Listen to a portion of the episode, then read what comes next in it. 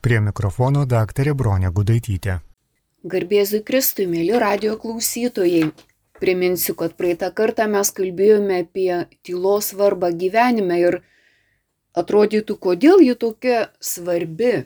Bet tylo žmogus nesubręsta esmė, nesubręsta jo samoningumas, be tylo žmogus nesuvokia tikrojo vertybių pagrindo. Be tylos jis gyvena dažnai tokį visiškai išorinį gyvenimo būdą, kuriuo labiau slysta tarsi paviršiumi, negu kad išgyvena dalykų esmę.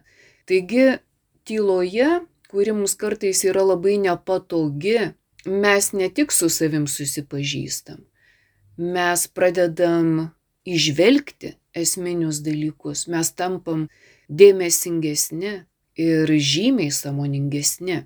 O samoningumas yra reikalingas ir mums asmeniškai ir tiesiog jeigu visa žmonija būtų labiau samoninga, tikrai nebūtų tokių baisių dalykų, kurie dabar vyksta pasaulyje.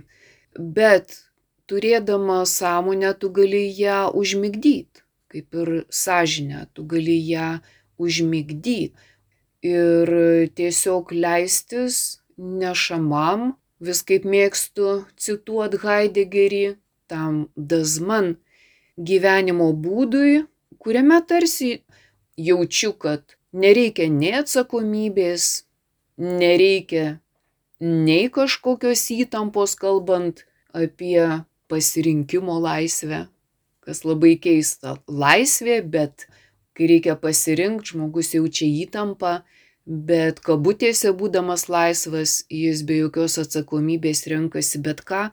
Taigi toks gyvenimo būdas dažnai ir yra toks malsulys, nekalai, plepalai, galvojimas, kad tu viską žinai, kas yra gėris dorybės, bet kažkodėl vien įdose skęsti.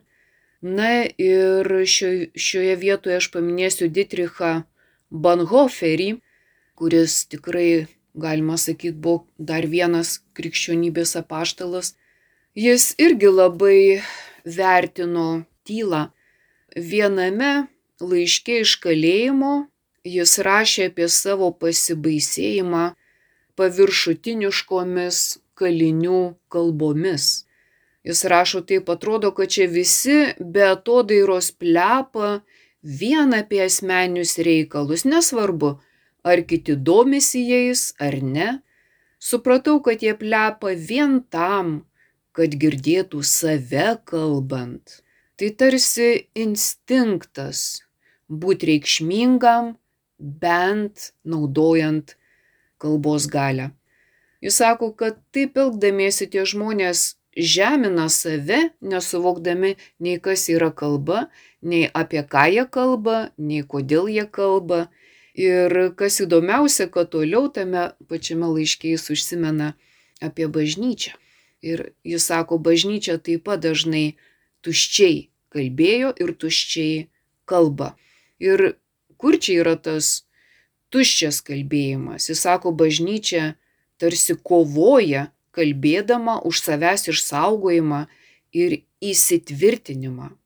Ir sako, taip elgesi panašiai kaip tie vyrai, tarsi besiremdama tam tikrų savisaugos instinktų, kad išliktų kaip pati savaime, kaip institucija. Ir todėl, sako, bažnyčia vis daugiau kalba apie save, vis daugiau kovoja už save, bet vis mažiau ir vis mažiau už Dievo karalystę. Ir dar jis ten sako, kad tiesiog šitaip lėpėdama bažnyčia praranda gali, galimybę pasakyti žmonijai tą gerosios naujienos žodį. Žmonės nusivilia bažnyčia, nes negirdi gerosios naujienos žodžio. Todėl jis sako, iš principo tai galbūt ir nėra taip blogai, nes galų gale bažnyčia nueis į naują etapą. Ne tik į tą sumaišties ir akivaizdaus bejėgiškumo etapą, bet į tylos. Nueis į tylos, į dykumos etapą, Žinoma, tuo met, kai jis rašo, kai taps bejėgė, ji bus priversta tylėti. Norim to ar nenorim. Dabar galim išgyventi tam tikrą keistą nikimo ir prisitaikymo prie pasaulio laikotarpį. Taigi jis mano, kad tyla padės pereiti į aukštesnę pakopą. Ir jis sako, kada mes jau ne už save kovosim, ne už savo išlikimą, bet subręsim tyloje, kad vėl iš naujo galėtume skelbti Dievo karalystę. Ir skelbdami Dievo karalystę mes pasauliu pranešim apie savo buvimą. Taigi bažnyčia verta dėmesio tiek, kiek ji skelbė Dievo karalystę.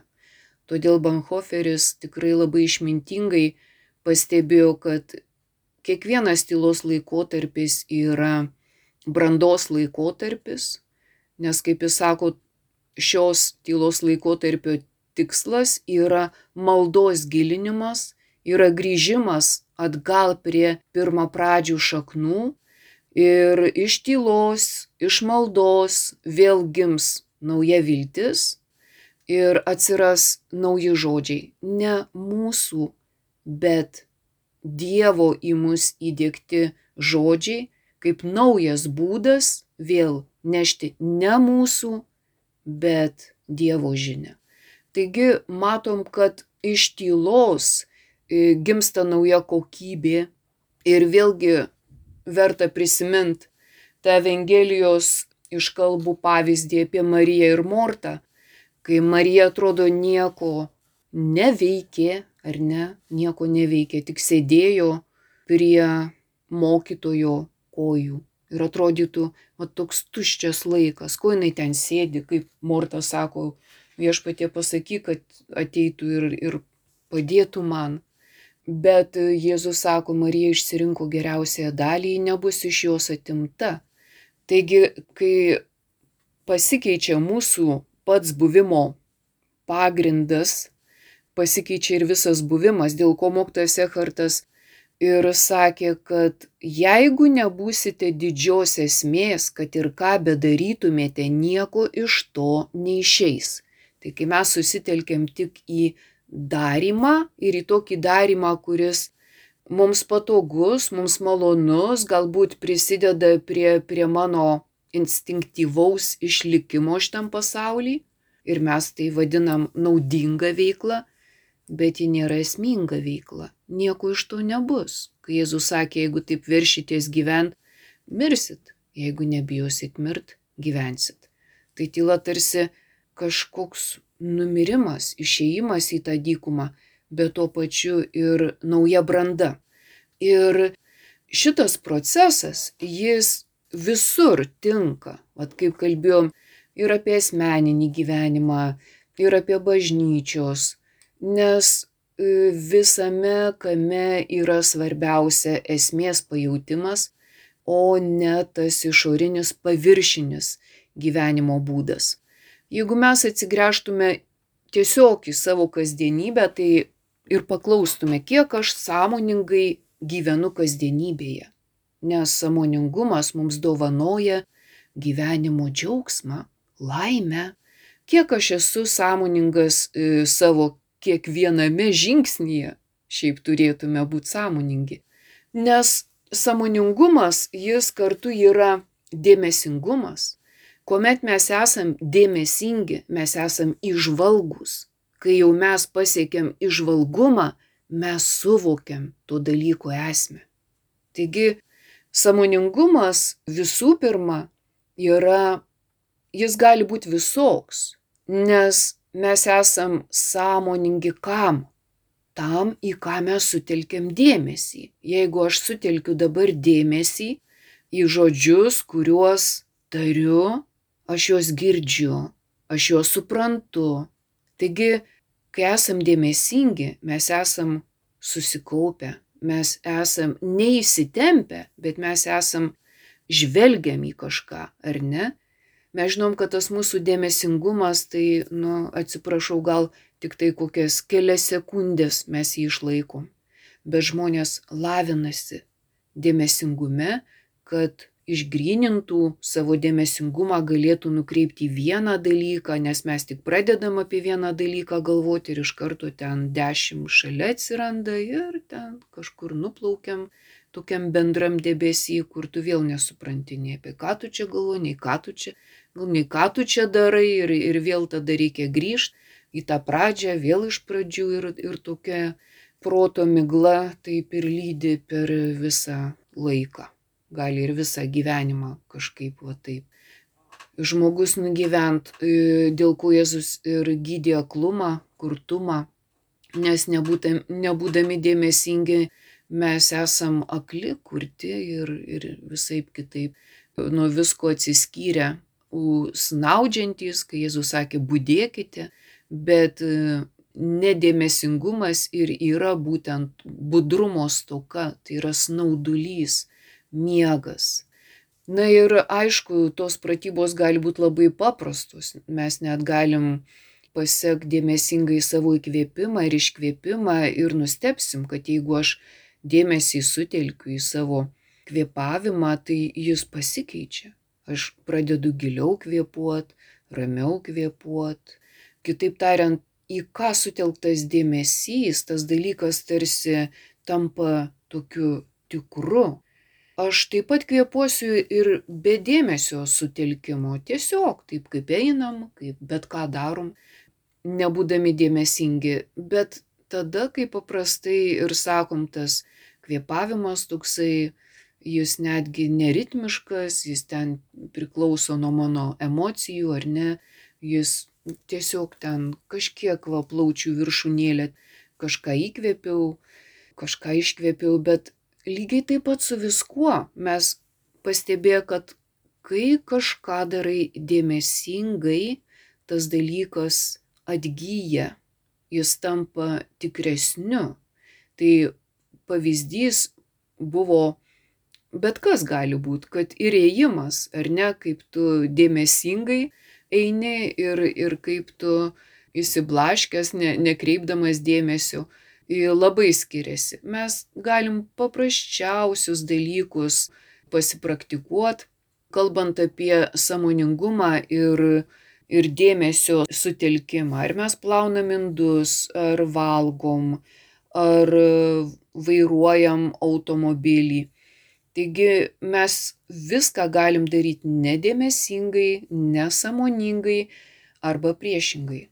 Samoningumas, dėmesingumas jis nėra sunkus darbas ir dažniausiai žmonės tai atranda kaip tam tikrą stebuklą, nes kaip ir kalbam, tada tarsi viskas tampa gyva, net jeigu eidamas ar ne, sutelki dėmesį į tą ėjimą, tu jauti, kad eina visas tavo kūnas, kad tu, kad tu gali eidamas atpalaiduot, pavyzdžiui, tu jauti tą kūną, kur jis yra įsitempęs ar kaip tu esi ten susikūprinęs, tu pradedi jaust, kas dalyvauja šitame veiksme ir kai tu pajauti tą tokį gerumą ar nepastebėt, ko tavo, kaip tavo kūnas tau padeda gyventi, tu tampi dėmesingesnis net kūnui ir tada matai, kad jis galbūt visai neprašo iš tavęs to maisto, kurį tu kemši iš įpročio, kaip tik jis tau neatsiunčia signalus, kaip tu ten negali užmigti, kaip skrandį skauda,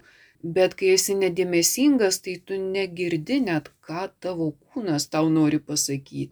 Kai nori saugumo, kaip ir Augustinas sako, tu sugrįžk į save ir tas pirmas toksai sugrįžimo pojūtis ir yra tarsi į savo kūną, sugrįžk kaip į savo namus ir tiesiog būk savimi, būk savyje. Ir vėlgi, kai atsipalaiduoja tavo petys, tau visam geriau pasidaro. Tu aiškiau pradedi mąstyti, matyti, pastebėti. Ir vad nesvarbu, ką tu darytum, jeigu jungsi tą samoningumo, sakykime, mechanizmą, pavadinkim, tai atrasi lab, labai įdomių dalykų netgi e, daug kas apie maistą, kai pasakoja, kad visai kitaip pamato ir tą duonos gabaliuką.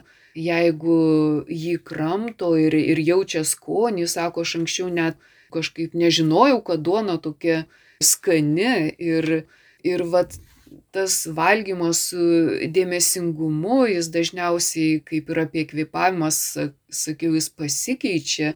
Tu ir lėčiau valgai, ką gydytojai patarė, ir, ir netokiais dideliais šaukštais, nes tam, kad ta, tas skonis tavo burnoje atsiskleistų, gali ir mažesniais šaukšteliais, sakykime, tą košę valgyti. Bet labai svarbu kad tu pradedi vat tikrai atrast tą maisto skonį ir netgi tu suvoki tą valgymo esmę, ar ne, tu pradedi dėkot valgydamas Dievui už tai, kad kažkas užaugino šitos grūdus, reikėjo ir saulės, ir vėjo, ir galbūt sunkaus žmonių darbo, kad tai tikrai daug meilės buvo reikalinga šita dovana, kurią tu dabar turi ant savo stalo. Ir atsiranda visai kitas požiūris į patį maistą ir į patį maitinimąsi. Ir, ir tada tu pamatai savo klaidas, galbūt tu valgai ten iš godumo ar ne, ar tiesiog todėl, kad tavo skrandis ten per daug ištemptas, tu ten per daug to maisto pridedi. Ir, žodžiu, tu, kai susitelki kažką, tu pradedi matyti subtiliau tam tikras detalės to dalyko, jis atgyja. Ta, lygiai taip pat, jeigu mes tiesiog net savo dėmesį, akių žvilgsnį, ką nukreipiam, tas dalykas tiesiog uh, tampa tikresnis. Jeigu nėra dėmesio, dinksta tarsi ir tas dalykas iš manęs. Taip yra viskas. Taigi tyla yra tokia, sakykime, vertinga tuo, kad e, tyloje tu, tu gali sutelk dėmesį į mažiau dalykų negu triukšme ir galbūt atsirinkti pačius e, svarbiausius. Net galvojant apie save kaip žmogų, gali paklausti savęs, kasgi tau kaip žmogui yra tos, sakykime, kas tave kaip žmogų nusako, kas tavyje kaip žmoguje, kuo tu skiriesi nuo gyvūno, kas tave kaip žmogų daro žmogumi. Ir va šitoje vietoje galim pereiti prie, prie kito momento, kad mes kaip žmonės turim tą moralinį, dorovinį gyvenimą, ko neturi gyvūnai, ko nereikia angelams, ko neturi kitos, sakykime, ten gyvos rūšiai šitame pasaulyje, augalai, sakykime, ar gyvūnai, žemė, oras, vanduo. Jie, jie gyvena savo gyvenimus, bet dorovinis gyvenimas yra žmogaus ir tada klausi, iš tikrųjų, kiek aš dėmesio skiriu šitoms vertybėms, kurios mane padaro žmogumi. Nes tikrai va tas žmogaus gerumas, teisingumas, ta tiesos meilė, tyrumas, švarumas, nuolankumas pranoksta ir protingumą, ir gudrumą, ir turtų pilną ten klestinti gyvenimą ir visus malonumus, kokius mes tik turim savo gyvenime, viską pranoksta. Žmogaus moralinis gyvenimas yra jo paties aukščiausia vertybė, jį padaro tikrų asmeniu. Kad mes žinom, kad ką Dievas sukūrė, sukūrė viską kaip gėrį, ar ne, visą šitą pasaulį bet nei visi tie kūriniai negali būti vertinami taikant dorovinį matą. Tik tai žmogus taip vertinamas. Ir už tai mes būsim atsakingi. Po mirties mes ne kaip gyvuliai atsakinėsim, ne, ne kaip mano instinktai atsiskleidė, ne, ne kaip aš kaip gėlė ar akmuo nugyvenau, ne kaip aš prasnaudžiau šitą gyvenimą vien malonumų ieškodamas, bet ir kaip žmonės, kaip gėdam toje giesmėje knygos bus atidaryti, atidarytos, kur kaltybės surašytos, bet tos kaltybės būtent tokiu moraliniu pagrindu. Taigi doroviškai, sakykime, moraliai geras arba blogas gali būti tik žmogus. Ir už tai jisai šimtų procentų atsakingas. Taip nėra, kaip mes elgiamės, kad, nu, tai kažką nesvarbu. Netai padariau ir dabar, vad, ką aš čia galiu apkaltinti. Tai savo gal ten kokį porą procentų kalties prirašomo, vis 98 turi būti kažkas kalta. Bet ką mes iš tikrųjų meluojam? Niekam mes nieko neapgausim prieš Dievas tyria žmonių širdis. Ir matom, kad e, žmogus iš tikrųjų turi būti atsakingas už savo moralinį gyvenimą, už savo norus, už savo siekius, už savo intencijas, už savo meilę ir neapykantą, už, už visas savo laikysenas. Gyvenime jis turi būti atsakingas. Kitaip tariant, svarbiau už visą mūsų veiklą yra mūsų buvimo būdas, kaip žmogaus buvimo būdas. O tai, kai mes kalbam, ir yra tas mūsų moralinis gyvenimas. Čia mes ir pasireiškiam kaip e, tam tikros brandžios asmenybės arba, arba ne, nebrandžios asmenybės. Ir žinoma, kad e, kartais, kai žmogus nėra sąmoningas, jam atrodo, kad visos tos dorovinės vertybės užauksime taip, kaip nagai auga, plaukai auga ar ne. Taip, taip ir jos ten pačios kažkaip e, savaime turi išsiskleis, bet taip nėra. Dėl ko žmogui ir duota laisvė kad, kad jis gali rinktis, ar jis nugyvens gyvenimą sąmoningai, dorai ir atsakingai, ar jisai nugyvens nesąmoningai ir todėl nedorai ir visiškai neatsakingai. Tai galim sakyti, kad Dievas dešimt Dievo įsakymų ir davė mums kaip tą didžiausią vertę turinčius mums kaip asmenybėms. Mes turim šimtų procentų gyventi pagal dešimt Dievo įsakymų, kuris skirta, kad žmogus nesusinaikintų, kad žmogus gyventų, kad jis būtų dvasiškai sveikas, moraliai stiprus, kad jis suprastų save kaip žmogų, ne, ne kaip, kai kalbam, ne kaip dar vieną gyvūnų rūšį. Būtent kaip mumise subręsta tas samoningumas, dorovinis samoningumas, tai jis pasireiškia pirmiausiai kaip pagarba. Nes ir dešimt Dievo įsakymų, pirmieji trys yra pagarba Dievui.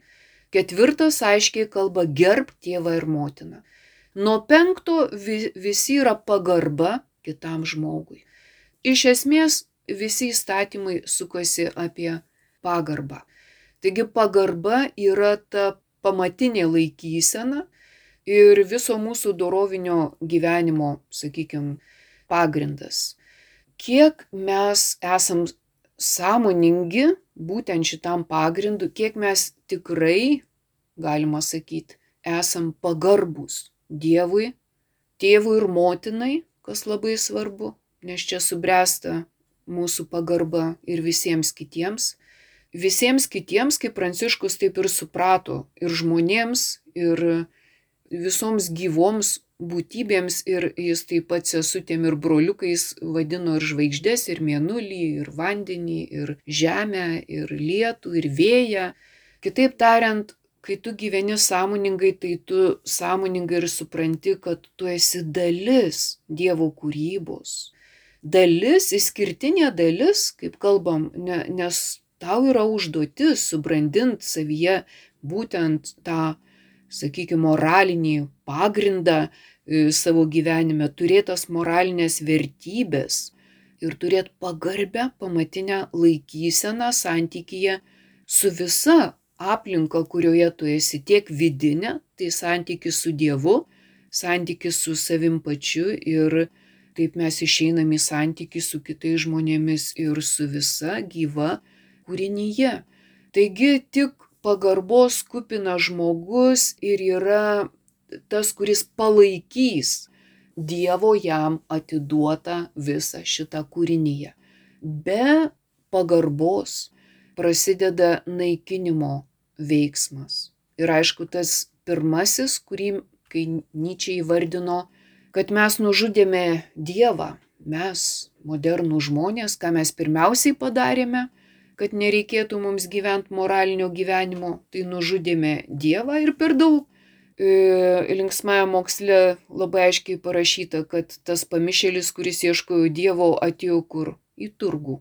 Tai žmonės daug nesuka galvos, ieško, ką maloniau nusipirk, skaniau pavalgyti, pigiau, arba parduot brangiau ir paskui ten e, užsidirbus pinigėlių savo kokį malonų skanėstą įsigyti.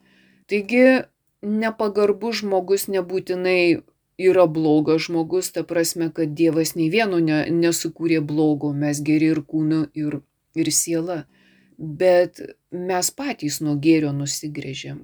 Ir tas drastiškas nusigrėžimas nuo gėrio yra pirmiausiai nusigrėžimas nuo dievų. Nyčia sako, mes jį nužudėme, jūs ir aš. Ir ką mes padarėm? Nužudyti Dievą reiškia nužudyti save. Lygiai taip pat nužudę Dievą mes nužudom pagarbą tėvams. Kas jie tokie? Jeigu aš Dievą galiu nužudyti, tai kas man tas tėvas ir mama? Kam davė gyvenimą ir, ir viskas. Ir aš savo gyvenu. Ir jeigu nėra pagarbos tėvams, už ką Senajam testamente sako, jeigu gerbsi tėvą, tu ilgamžių turėsi. Tarsi tau bus net ir užmokėta, nors ta, ta pagarba jau tau yra geras gyvenimas, bet tau bus dar pridėta už tai. Bet jeigu mes, taip kai Nyčia sako, kikendami, nesuprasdami, ką darom, ir Dievą nužudom, ir, ir pagarbą tėvams, tai pagarba kitiems savaime, nu jinai kam jinai reikalinga.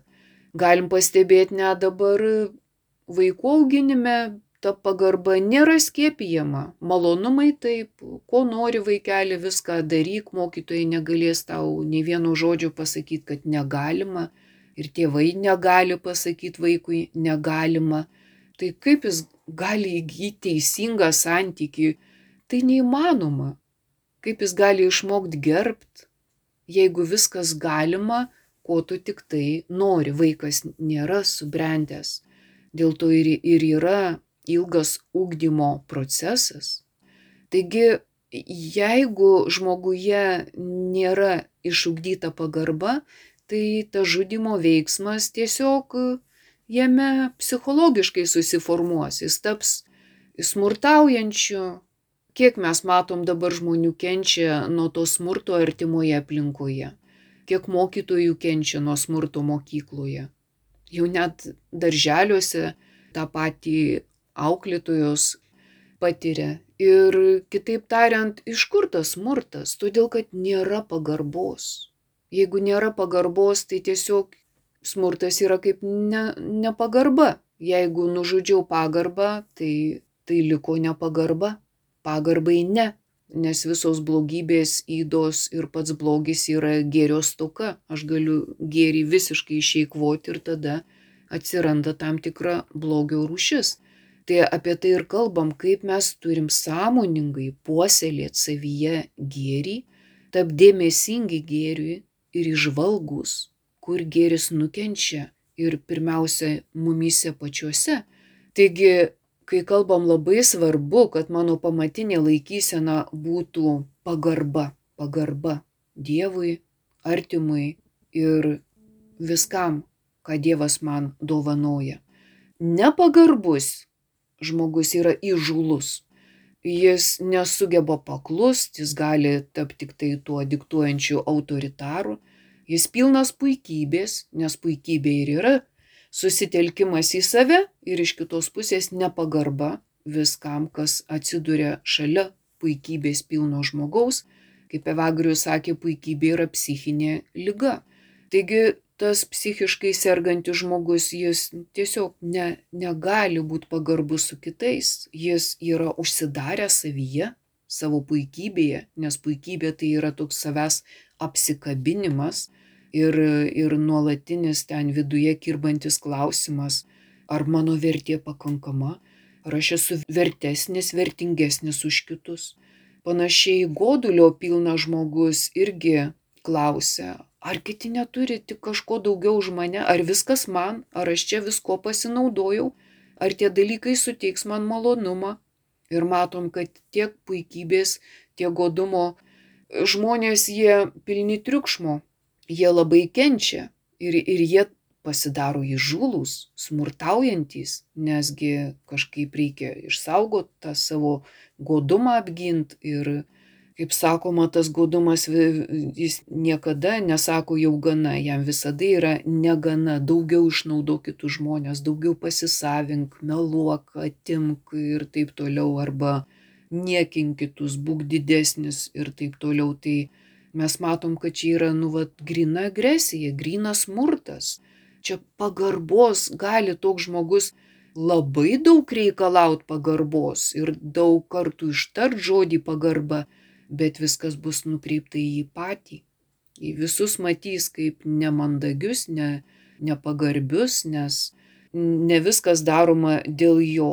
Taigi dažnai tokie žmonės labai nemandagiai lipa kitiems žmonėms ant galvų, nes mato tik save ir nepaiso nieko. Būtent tokie žmonės negyvena santarvėje su kitais, bet naudoja, gyvena su kitais tam, kad naudotų ir sunaudotų kiek įmanoma daugiau kitus. Ir žmonės, ir aplinką, todėl ir medžiai kertami, ir nepaisoma į nieką, net ir pačiam tam, kuris turi galę iškirsti miškus, taigi grėsia susinaikinimas, bet Kaip kalbėjom, toks žmogus tiesiog yra aklas, kurčias, jis nėra sąmoningas, dėl ko Jėzus ir meldė tėvą. Jie nežino, ką daro. Taip jo maldoje skambėjo tėvė, atleisk jiems, jie nežino, ką daro. Tai va tas nežinau, ką darau, greičiausiai vis tiek nuo atsakomybės mūsų nu, neatleis. Taigi kalbam apie tai, kad tikra ta dorovinė mūsų laikysena pirmiausia yra pagarba. Puikybė, godumas yra nepagarba. Nepagarbus iš puikybės yra įžulus. Jis į viską žiūrės iš aukšto, jausis pranašesnis, nesupras dalykų esmės, tik vertins viską iš išorės. Kalboje matysim, kad jis visus žemina, visus neigia, pats įsitikinęs, kad viską žino, jeigu ir nežino, tokiam nieko nebus didesnio už jį patį. Beje, šitoj vietoj tas žmogus gali save vadinti religingu, bet tą religingumą lygiai taip pat pro pirštus, kaip mes sakom, supras. Kitaip tariant, ir Dievas negali būti didesnis už jį, nes Dievas turi tarnauti jo reikmėms. Na ir kita nepagarbaus žmogaus atmaina yra tas bukas godumas. Tai tikrai akla laikysena. Nes godus jis galvoja tik apie dalykus, kurie gali suteikti jam malonumą. Todėl jis į viską žiūri per tą naudos prizmę. Kiek tai man naudinga, kiek aš galiu šito dalyku pasinaudot. Visi jo interesai yra, vat, kad e, viskas, kas aplink mane, tarnautų mano egoistiniams siekiams. Dabar aš noriu malonumo, dabar aš noriu daug kažko turėti, dabar man patiktų, kad būtų taip. Nu ir, žodžiu, tas ratas visada sukasi vienodų ritmų. Aš, man, mano, mane ir taip toliau. Taigi, toks žmogus gyvenime yra liekštas. Nesvarbu, kiek jam atrodytų, kad jis ten turi daug smalsumo, daug keliauja, daug mato, bet iš tikrųjų apie grožio ir gėrio esmę, kaip mes sakom, nei, nei bum bum supranta tik tiek, kiek e, liečia jo paties kartais tokius, nu, labai jau liekštus norus, kurie, kaip ir kalbam, su nauda ir malonumu siemi. Taigi ir tas žmogus, tiek puikybės pilnas, tiek godus, jie yra abu uždaryti savo godume, savo puikybėje ir išvilgsnį tą akiratį, sakykime, į tą dėmesio ratą, tokį siaurą, patenka tik tai, kas aktualu ten jo puikybė, jo godumui. Kitaip tariant, jis susitelkęs tik į save. Ir tas jo gyvenimo būdas iš tikrųjų yra toks dazman. Nes jis viską vertins tik tiek, kad ar kas nors kartais nepagalvos, kad aš ten ku nors ten netitinku toks. Lyg pasitikrinimas, ar tikrai būsiu įvertintas, reikia taip šnekėti, taip daryti, taip atrodyti, taip rinktis, ten viduje neaišku kas, bet išoriai visada viskas turi mm, atitikti priimtinus dalykus išoriškai. Taigi apie tikrą vidinę pagarbą čia nelieka jokio klausimo. Jis tikrai nei, nei išpuikęs, nei godus žmogus kitiems pagarbos nerodys. Rodys tik tiek, ką mes galėtume pavadinti išoriniu dirbtiniu mandagumu. Gal ir nusišypsos, gal ir kokią juoką sukrės, kad atrodytų gerai kad atrodytų didesnis, svarbesnis, reikšmingesnis. Bet o kaipgi gyvena pagarbusis? Tai pirmas pagarbiojo laikysenos bruožas yra susitelkimas ne į save, nesusireikšminimas. Tiesiog ta žmogus palieka vietos ir kitiems šalia savęs. Ir labai daug tos vietos palieka kitiems kuo labiau žmogus suvokia apskritai žmogaus kilnumą ir vertę, tuo tas žmogus tampa nuolankesnis. Nes ne puikybė ir ne kitos įdos tavo vertę padaro didelę, kaip mes sakytume, bet priešingai. Tavo vertę padaro tavo laikysena būtent Dievo žmonių ir kai kalbam kitų gyvų būtybių atžvilgių. Vertė yra kiek tu pagarbos rodai kitiems. Tai reiškia, kiek vietos yra kitiems tavo gyvenime. Ir tai nėra atsitiktinumas. Tai yra sąmoninga to žmogaus veikla, kada jis stengiasi sąmoningai būti su kitais. Ir sakėm, kad sąmonė visada yra kažko sąmonė. Kai kalbėjom, gali būti valgymo sąmonė ar ne, kada aš dėmesį sutelkiu į šitą procesą. Kūno sąmonė, kai aš įsiklausau, ko iš tikrųjų mano kūnui reikia, kad jis būtų sveikas, ko aš jam neduodu, ar ko, ką aš negerai darau kūno atžvilgiu. Taigi tas pagarbusis, jis yra susitelkęs į buvimo su kitais buvimo būdą. Jis sąmoningai būna su kitais. Kitaip tariant, jis pradeda matyti, kad ne tik aš vienas gyvas, ir kitas žmogus gyvas, ir kitas turi poreikių, ir kitas turi problemų, ir kitas nori gyventi, ir kitas nori tų pačių gerybių, ir kitam reikia kažko, ko galbūt ir man reikia, bet aš ir, ir taip turiu. Ta žmogus nėra apsikabinęs egoistiškai save. Jis yra tas, kuris dalyjasi Taigi gavėnios laike mes ir mokomės gyventi malda, išmalda, pasninku. Ir kartais galim galvoti, kad va čia ir yra mano tie aukščiausi dvasingumo, tos aukščiausios viršūnės, ar ne, jeigu aš jau kažkiek pasimeldžiau ar papasninkavau bent vieną penktadienį, nes buvau labai užimtas darbais arba aš ten e, kažką atidaviau, ko nereikia, kai tvarkiau ten savo stalčius, tai galvoju, aš jau pasiekiau tą dvasingumo Everesto viršūnę, o ne.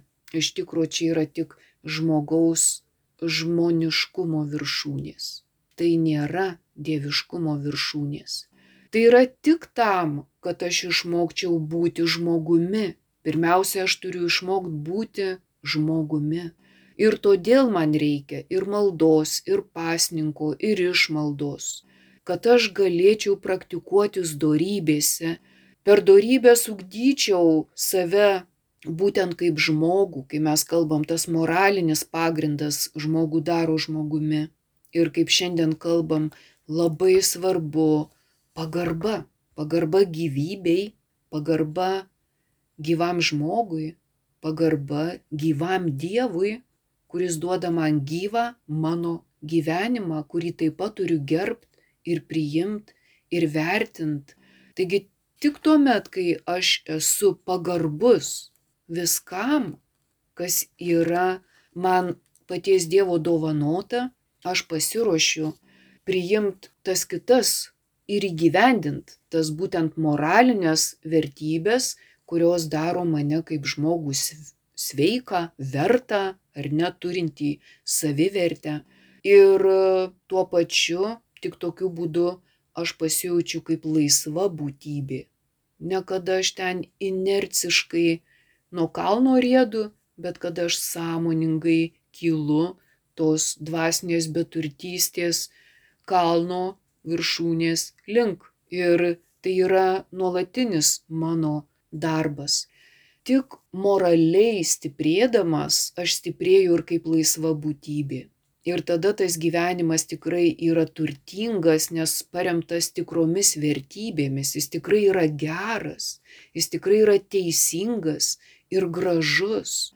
Taigi ta pagarbi laikysena, kuri yra tarsi pradžių pradžia tam, kad aš būčiau žmogumi ir kad kiti žmonės šalia manęs pasijaustų žmonėmis, kaip šiandien kalbam, yra viena iš pirmųjų didžiųjų vertybių, kurias mes turėtume praktikuoti gyvenime. Taigi šiandien matau, kad turi mūsų pokalbis eiti į pabaigą, tai belieka tik tai palinkėti tos pagarbios laikysenos, be kurios tikrai nebūtų nei meilės, nei teisingumo, nei saviugdos, nei esmės suvokimo, nes pagarba tikrai yra ta teisinga laikysena ir su savim pačiu, ir su savo artimu, ir su visa kūrinyje, ir svarbiausia ir pirmiausia su Dievu. Taigi, linkiu to savo ir jums ir atsisveikinu iki kito karto su Dievu. Laidoje kalbėjo daktarė Bronė Gudaitytė.